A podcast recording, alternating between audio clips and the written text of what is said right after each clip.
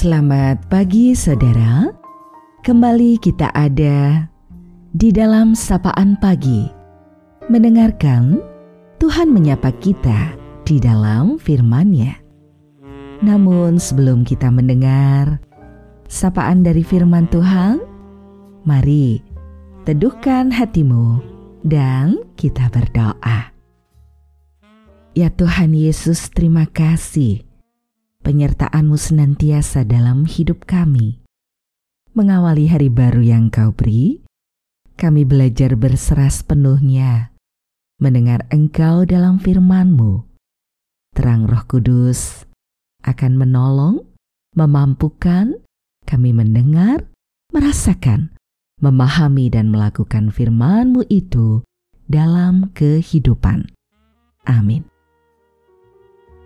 Saudaraku, sapaan dalam firman-Nya kita akan menerima melalui bagian surat Paulus dalam Roma pasal 5 di ayat 8. Akan tetapi Allah menunjukkan kasihnya pada kita oleh karena Kristus telah mati untuk kita ketika kita masih berdosa kita akan refleksikan dalam tema kasih yang tak bersyarat. Saudaraku, kita semua pasti pernah merasakan pertolongan atau bantuan Tuhan dari orang lain. Akibat dari pertolongan atau bantuan itu membuat kita menjadi merasa berhutang budi dan perlu membalas kebaikan orang itu. Sebaliknya, jika kita mendapat perlakuan yang tidak baik dari orang lain, apakah yang akan kita lakukan? Tidak membalas saja itu sudah menjadi hal yang baik. Yang mungkin mampu dilakukan kebanyakan orang.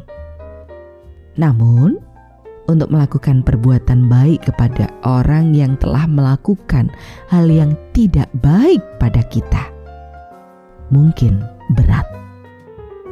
Firman Tuhan melalui bagian surat Paulus yang kita baca hari ini mengajarkan pada jemaat pada waktu itu di Roma tentang kasih Allah yang tak terbatas dan tak bersyarat tidak seperti manusia. Allah tetap mengasihi manusia, meskipun manusia sering melupakan Allah. Kasih Allah yang luar biasa itu diwujudkan melalui pengorbanan Tuhan Yesus di kayu salib demi menebus dosa manusia. Pengajaran ini diberikan pada jemaat Roma dengan tujuan untuk memurnikan keyakinan mereka pada Kristus. Hal ini dikarenakan jemaat Roma yang kebanyakan adalah orang-orang Yahudi dan Yunani masih membawa pemahaman lama mereka tentang Tuhan. Hal ini mempengaruhi cara hidup jemaat Roma yang sering mengalami pertentangan di antara mereka.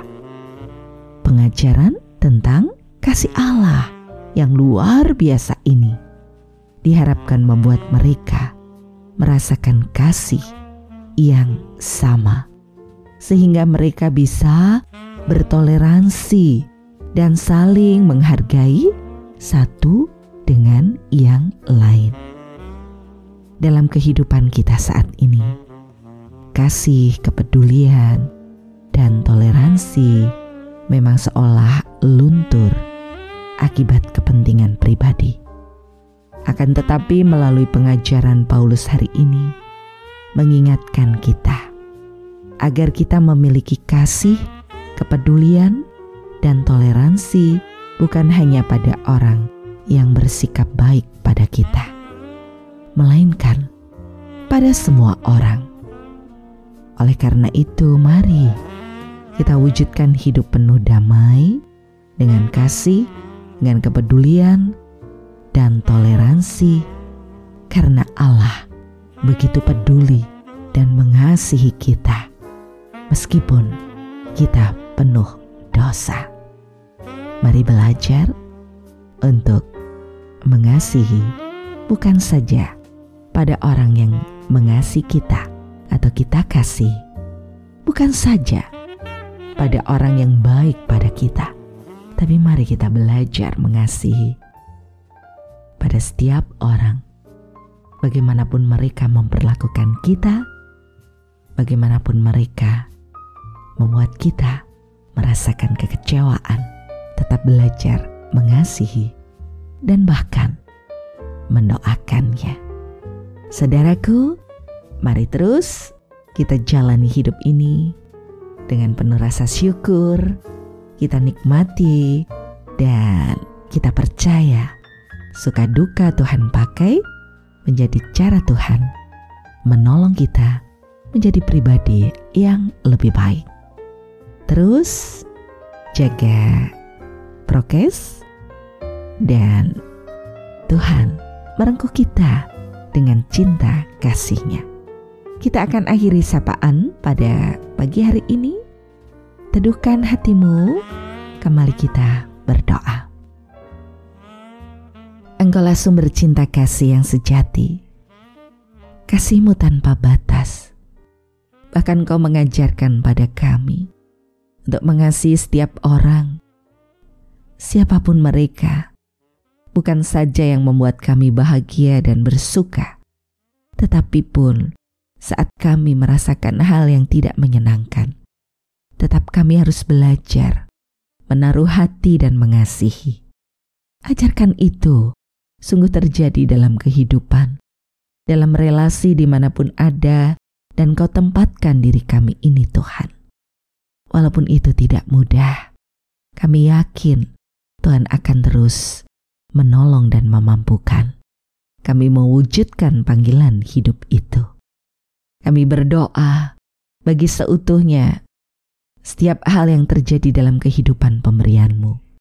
Untuk pemulihan negeri ini, untuk semangat juang kami dengan penuh pengharapan menjalani hari demi hari.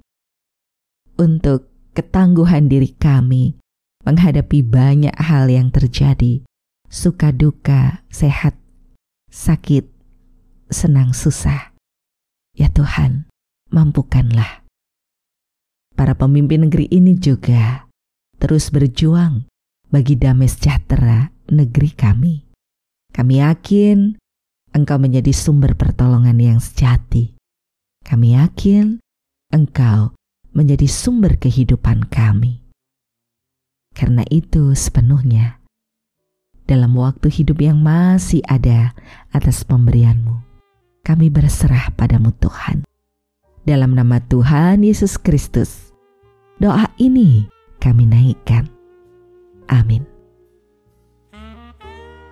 Saudaraku, demikianlah sapaan pada pagi hari ini.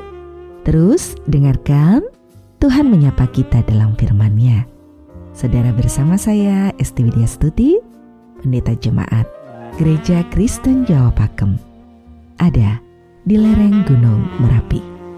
Tuhan memberkati. Amin.